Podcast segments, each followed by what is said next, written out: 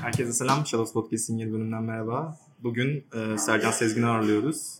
Merhaba Sercan, hoş geldin. Merhaba Enes. E, Sercan bir kurgucu. Ağır Ark'ın Maddenin Hallerinin kurgucusu. Ayrıca e, Okul Tıraşı'nın da kurgucusu ve Mubi'de de Nublu diye bir belgeselini bulabilirsiniz. Orada hem yönetti hem kurguladı.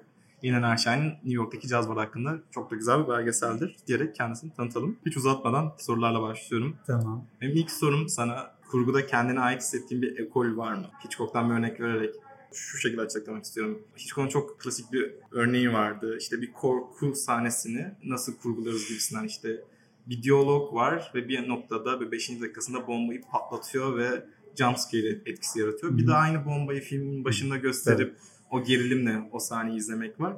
Bu yönetmenlik örneğinde olan bir durum olsa da senin bir şeyi kurgularken e, elindeki materyalle nasıl bir ilişkin var? O bilgi hiyerarşisini seyirciyle nasıl kuruyorsun? Sanırım çok sezgisel bir şekilde başladı. Yani kendi tarzım var belki diyemem. Ama yani çok kurguya başlangıcım zaten hani Nublu belgeseliyle oldu. Orada da çok iyi bir kurgucu arkadaşım var Osman Bayraktaroğlu. O bana çok güzel yön gösterdi ve gerçekten inanılmaz büyük bir esin kaynağı oldu bana. Çok şey öğretti. Belki orada sezgisel olarak başlayan kurguya yaklaşımım diyeyim. Şu an sen bu soruyu sorunca şöyle cevap verebilirim. Yani belki mesela bir sahneyi ele aldığımda, bu belgesel de olabilir, kurmaca da olabilir. Verdiğimiz öğeleri, bilgileri hatta duygusal e, gücü yavaş yavaş vermek. Yani belki Hitchcock'un o gerilimi tutmak adına belki ona biraz daha yaklaşıyor olabilirim. Çünkü bir sahnede her şeyi bir anda verdiğimizde seyirci bizim önümüze geçebiliyor ve ben bunu çok etkileyici olduğunu düşünmüyorum. Tam tersi parça parça bazı şeyleri daha fragmente verdiğimiz zaman hani seyirci de o boşlukları tamamlayabiliyor. Çünkü yani seyircinin gerçekten zekasına güvenmemiz gerekiyor. Hem de seyirci gerçekten kendini daha fazla bir şekilde kendi filmde yer bulduğunu düşünüyorum bu şekilde.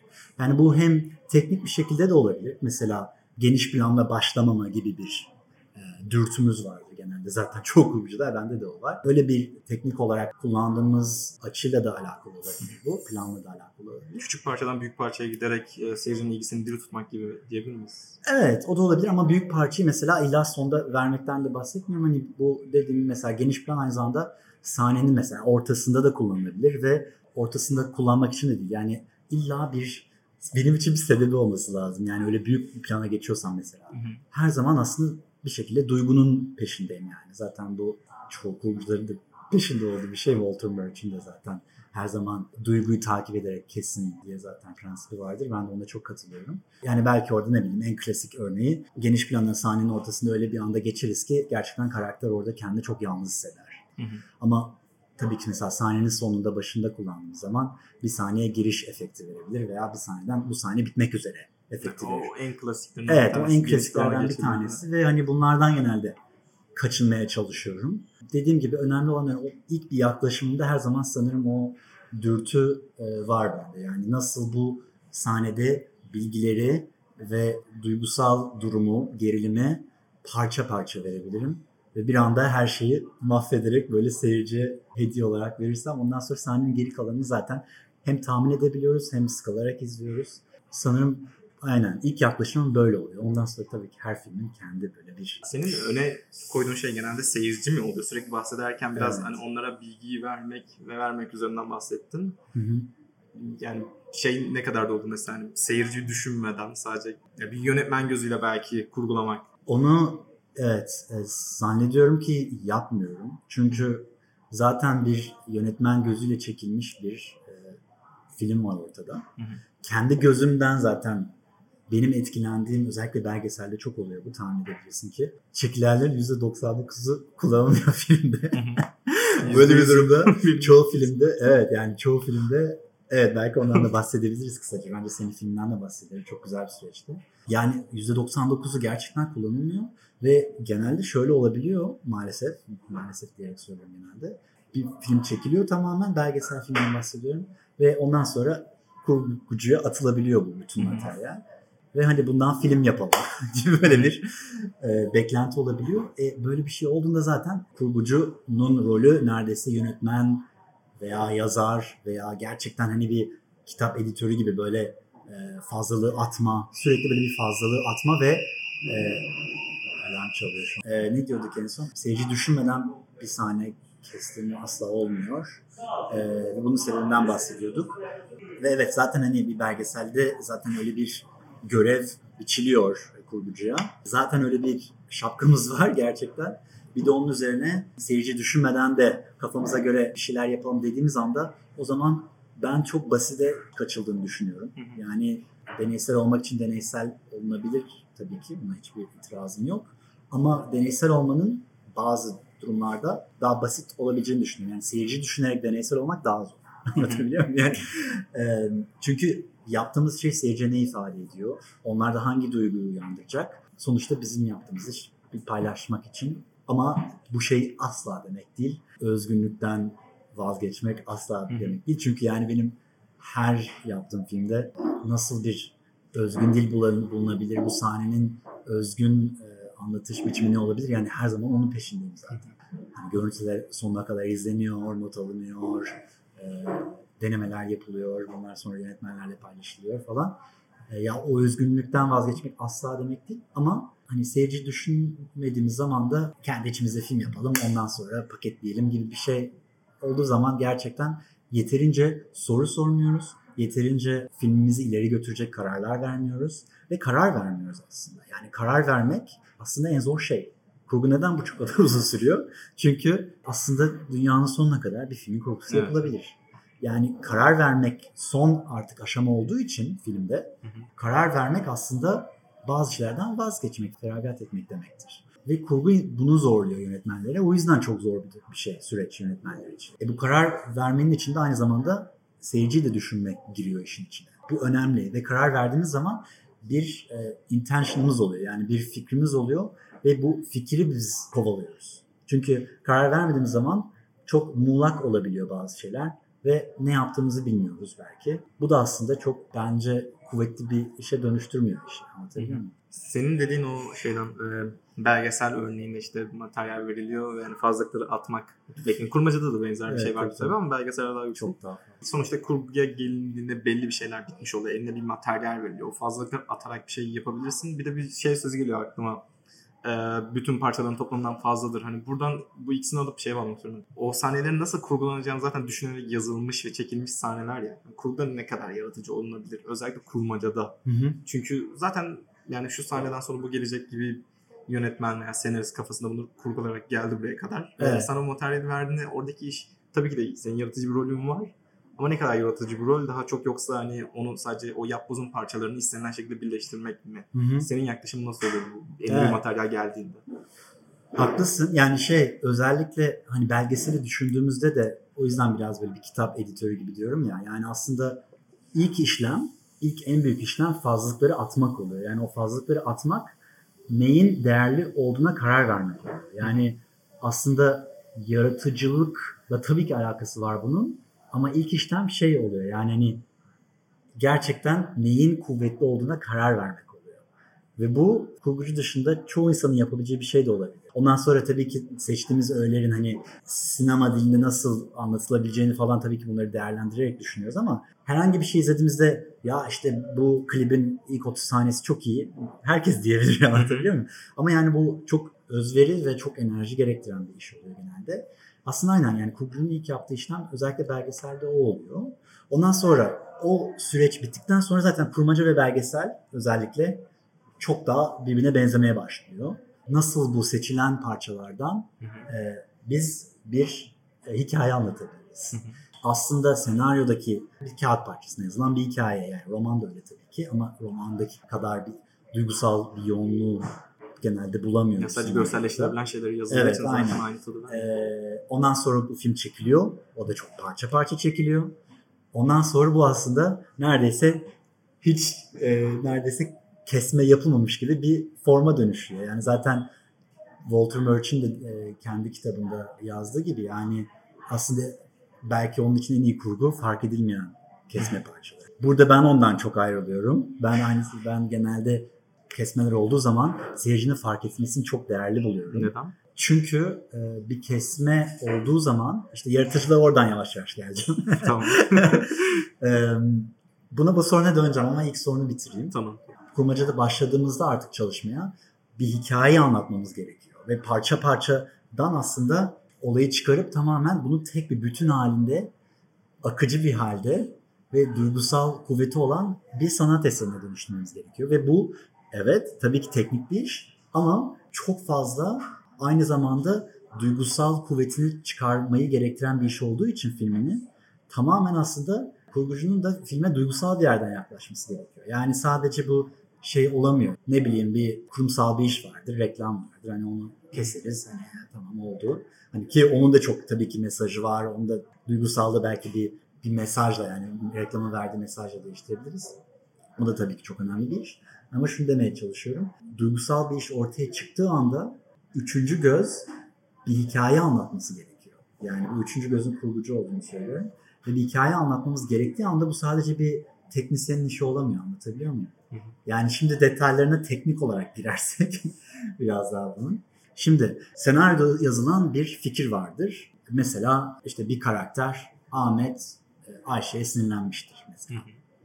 Şimdi biz bu görüntüyü izliyoruz. Ve senaryonun genelinde yani şey pardon filmin genelinde bunu bu sahneyi düşündüğümüzde mesela şunu diyebiliriz. Mesela belki üç seçeneğimiz var diyelim. Bunu değerlendirmek için. Ahmet Ayşe'ye bu sahnede gerçekten sinirlenmeli mi?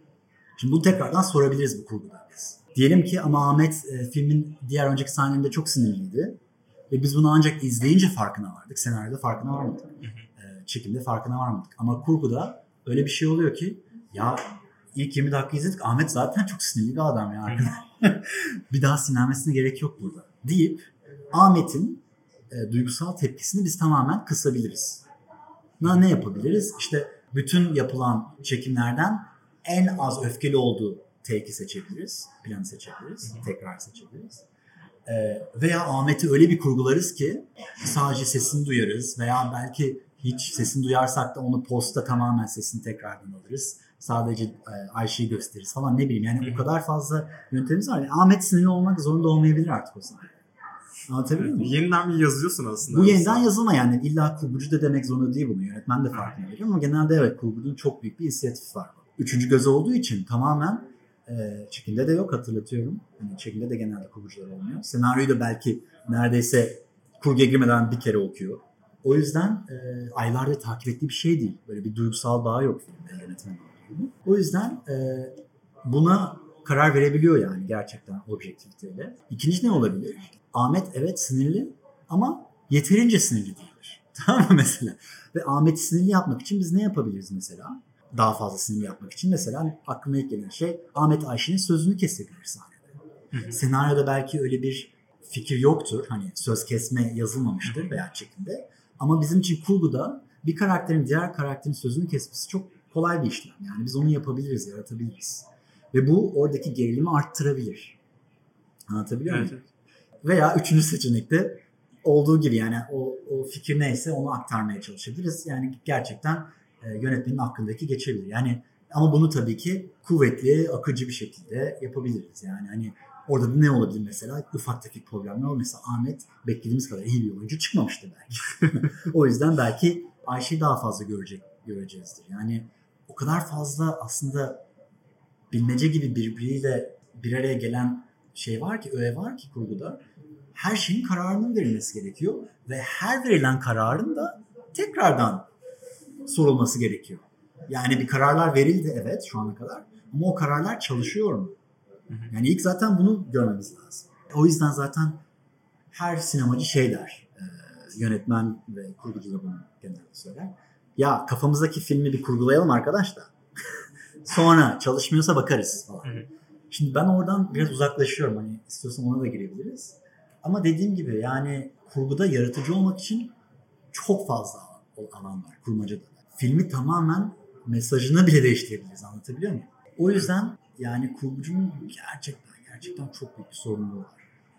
Sen cevap verirken başka sorular da yarattın. Tabii ki, Şimdi tabii o. Walter Murch'un nedenine sonra gelelim demiştin. Ha evet. Orada hani o kesmeyi neden daha belirgin olmasını istiyorsun? Onda yaratıcılıkla alakalı bir, bir kafanda şey var mı? Yani- Evet var çok var. Çünkü şöyle Walter Murch'in sineması bu arada çok etkileyici tabii ki yani kurguları falan. Yani ben benim hani yaklaşımım daha etkileyici bir şey söylemiyorum ve ben sadece böyle kurgularımdır gibi asla bir şeyim yok. Sadece öyle bir prensibim yok anlamında söylemeye çalışıyorum. Yani her kurguladığım filmde kesmelerin e, görünmez olmasına öyle bir şeyim yok. Efor sarf etmiyorum. Tam tersi bazı kesmelerin seyirci için görünebilir olmasına değer veriyorum. Mesela bu ne olabilir? İşte hani az evvel verdim söz kesmede öyle bir sözünü keser ki hani gerçekten o kesme hani herkesi bir şekilde dikkatini çeker ve fark edebiliriz. Ama onun dışında bir sahneyi mesela akışında da normalde devam edecekmiş gibi devam eden sahne bir anda kesilirse Hı hı. gerçekten hani o yeni bir sayfa açar ve seyirci bir anda yeni bir sahneye aktarır ve bu çok yeni duygular oluşturabilir. Diyorduk ya bahsettiğimiz şeylere de değinelim. Ee, bir sahnenin sonunda geniş planda bitirdiğimiz zaman bütün seyirci nasıl olsa biliyor bir sonraki sahneye Evet. geçeceğini. Onu yapmadan başka bir şekilde daha ritmik bir şekilde, dinamik bir şekilde bir sonraki sahneye geçtiğimizde seyirci bu kesmenin tabii ki farkında. Çünkü mekan değiştiriyoruz, belki karakter değiştiriyoruz. Yani bu en basiti. Hı hı. Ama onun dışında kesmelerde yani bizim yapabildiğimiz çok daha farklı fikirler var. Özellikle belgeselde bunun alanı daha da açık. Mesela maddenin hallerinden daha somut olarak bahsedebiliriz. Orada çok fazla hani seyircinin fark edebileceği, e, dikkatini çekecek kesmeler olduğunu düşünüyorum. Hangi sahneye örnek verebilirim? o kadar şey şimdi filmi bir gözümde canlandırayım. Benim de bu izleyeli uzun zaman oldu çok Evet, hatırlamıyorum. Özellikle mesela bizim böyle bir uzuvları gördüğümüz, böyle bir beden parçaları gördüğümüz bir sahne var. Oradan mesela biz çöp odasına geçiyoruz. Hı hı. Ve orada gerçekten öyle bir yolculuk çiziliyor ki kurguda gerçekten hani bu beden parçalarının izlediği yolmuş gibi. Yani ilk böyle canlı bedenlerde bizim şu an yaşadığımız bedenlerde, sağlıklı bedenlerde böyle vücut parçalarımız var. Ondan sonra bunlar belki patolojide inceleniyor. Hani şey biyopsileri yapılıyor falan filan. Ondan sonra bu vücut parçalarının bazıları işte atılıyor falan filan. Yani ondan sonra mesela bir kedi orada, kedi bakıyor falan. Yani böyle insanların tamamen hani aslında hiçbir diyalog olmadan kurgu sayesinde hangi plan bir sonraki plandan sonra geliyor, hangi plan diğer planı takip ediyor. Sadece yani görsel sinemadan bahsediyoruz. Plan sırasında çok fazla yorum yapabileceği bir alan var maddenin hallerinde. Ee, ve o yolculuk zaten çok etkileyici oluyor. Yani filmin başında çok daha fazla doktor takip ediyoruz. Onlar bize hikaye anlatıyor. Bundan sonra filmin ortasında bir anda böyle filmin e, dili tamamen değişiyor ve çok daha fazla aynen yani kurgunun daha çok filmi ileriye götürdüğü, hikayeyi ileri götürdüğü çok daha böyle içgüdüsel bir sinema var. izlenimci bir sinema var. Ve bu tamamen kurguyla mümkün. Ve e, kurgunun kurduğu ilişkiyle mümkün. Yani zaten bu e, Hitchcock veya işte Ruslar zaten çok konuşuyor. İşte Kuleshov efekt var. Hı hı. Hani bir adamı gösterirsin böyle bir dondurmaya bakarken hani o yüzde bakarsan aç Açtır. Hani falan bir kadın koyarsın. Ha, aynen, cinsel bir iştahla bakıyordur. Aynen tarzında. biz seninle de konuşuyorduk. Yani e, yaratıcılık en fazla buradan geliyor tabii ki. Özellikle kurmacada. Hangi görüntüyü hangi görüntü takip ediyor. Kurmacada ise az evvel bahsettiğim şeyler tekniklerde çok fazla var. Ritmi bozma, e, filmi duygusal alanını açma gibi çok fazla olanak var elimizde. Yani bir filme tiyatro gibi yaklaşmamıza gerek yok. Normalde bir soru cevap vardır bir sahnede. O soru sorulur ondan sonra cevap uzun süre gelmez.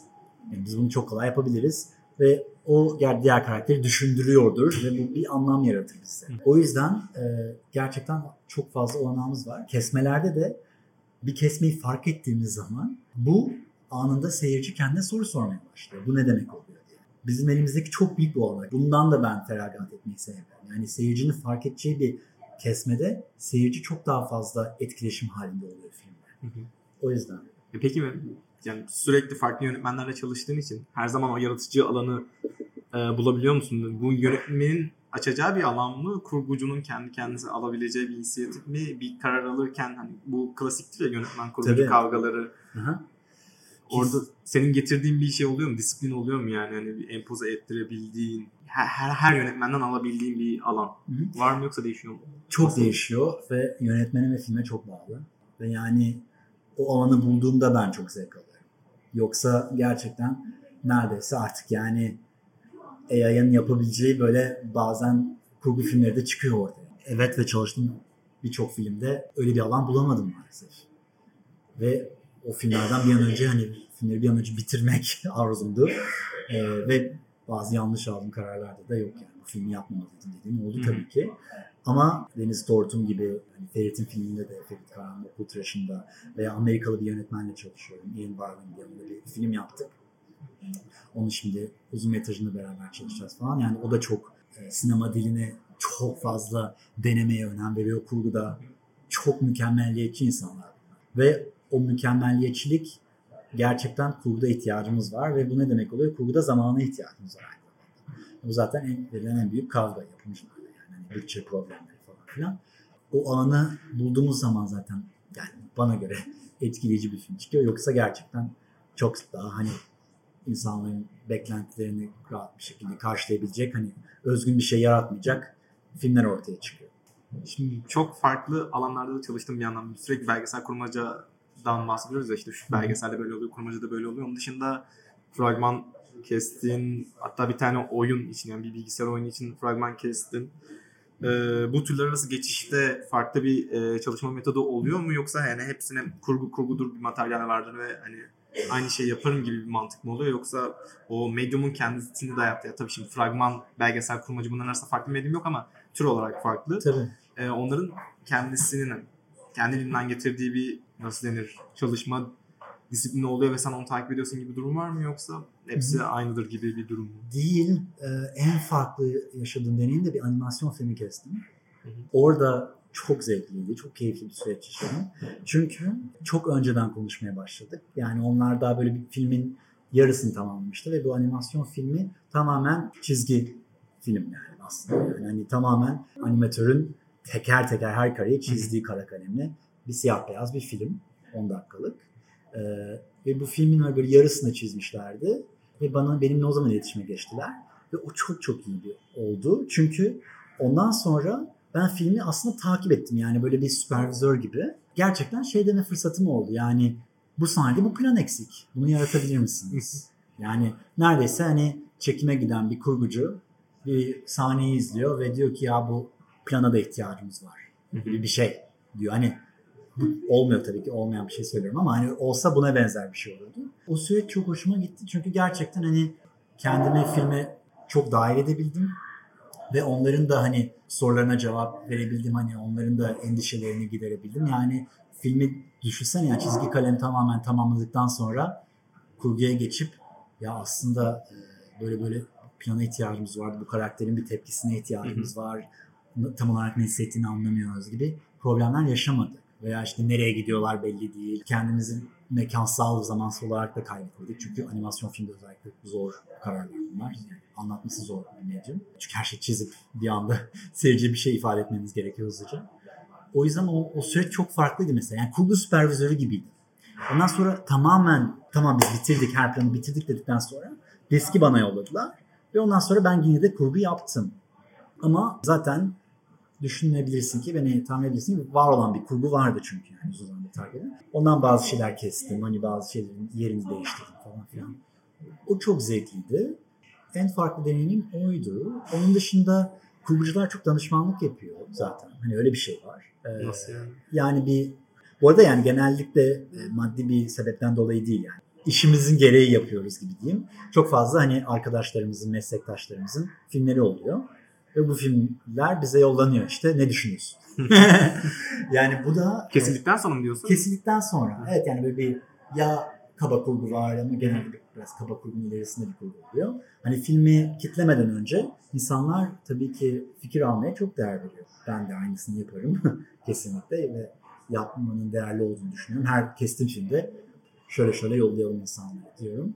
O çok önemli bir şey. Yani şu ana kadar hani ben bunun için böyle bir profesyonel bir danışmanlık işi yapmadım ama öyle kurgucular da var var. Danışmanlık işleri yapan. Mesela benim kestiğim bir film şimdi bir atölyeye girecek. O atölyeden biz profesyonel kurgu danışmanlığı alacağız. Bir belgesel için. Böyle şeyler var yani. Avrupa'da çok fazla kurum var böyle bu desteği veren. Ve belgesellerde mesela çok iyi yani. Belgesel atölyeleri oluyor. Gidiyorsunuz işte seninle de buluşma sebebimiz Paris'te yaşıyorum ben. Hani orada e, La Femis diye bir okul var. Orada mesela e, öğrencilerin kurgularını takip ediyorum. Yani bu daha çok profesyonel olarak yaptığım bir iş. Bu da mesela çok eğlenceli ve farklı bir şekilde hani çalışmamı sağlıyor. Burada da hani tamamen feedback vermek üzerine ve soru yöneltme üzerine ve e, öğrenciyi yüreklendirip başka fikirler bulması ve filmi nasıl ne kadar ileri götürebilirsek var olan zamanımız içerisinde o kadar ileri götürmemizi sağlayacak konuşmalar, sohbetler ediyoruz. Kurgucu aslında çok fazla talep ediliyor yani bir şekilde. Hani bir de şeye kadar gidebilir bu. Mesela ben hiç hayatımda korku filmi kesmedim. Ee, komedi filmi böyle bir kısa film kestim. Ee, o çok mesela çok eğlenceliydi. Şimdi umarım Aralık'ta bir terslik olmazsa bir komedi kısa film keseceğim falan. Hani mesela o çok heyecanlandırıyor beni. Çünkü komedi timingi falan çok farklıdır ya. Sürekli böyle yeni bir şey var aslında. Yani böyle kendini zaten projeler farklı, yönetmenler farklı falan. Bunun üzerine de hani böyle her bir sürü yapabileceğimiz farklı türde şeyler karşıma çıkıyor yani. Ki kariyerimin başındayım aslında yani. 30 yaşındayım o yüzden. Ee, daha bir sürü şey çıkacaktır diye umuyorum karşıma. En azından çabalıyorum. Teşekkürler. Çok memnun oldum Enes. Ben Çok oldum. seninle çalışmak aynı zamanda. Paris'te beraber bir filmde çalıştık. Umarım dinleyicilerin de onu izleyebilir. Umarım yani yayınlamak istiyorum bir yerde tabii Evet. ki. Çok çok bu podcast'ı paylaşın. Ee, tekrardan teşekkürler geldiğin için. Ben teşekkür ederim. Görüşmek üzere yeni bölümlerde. Hoşçakalın. Hoşçakalın.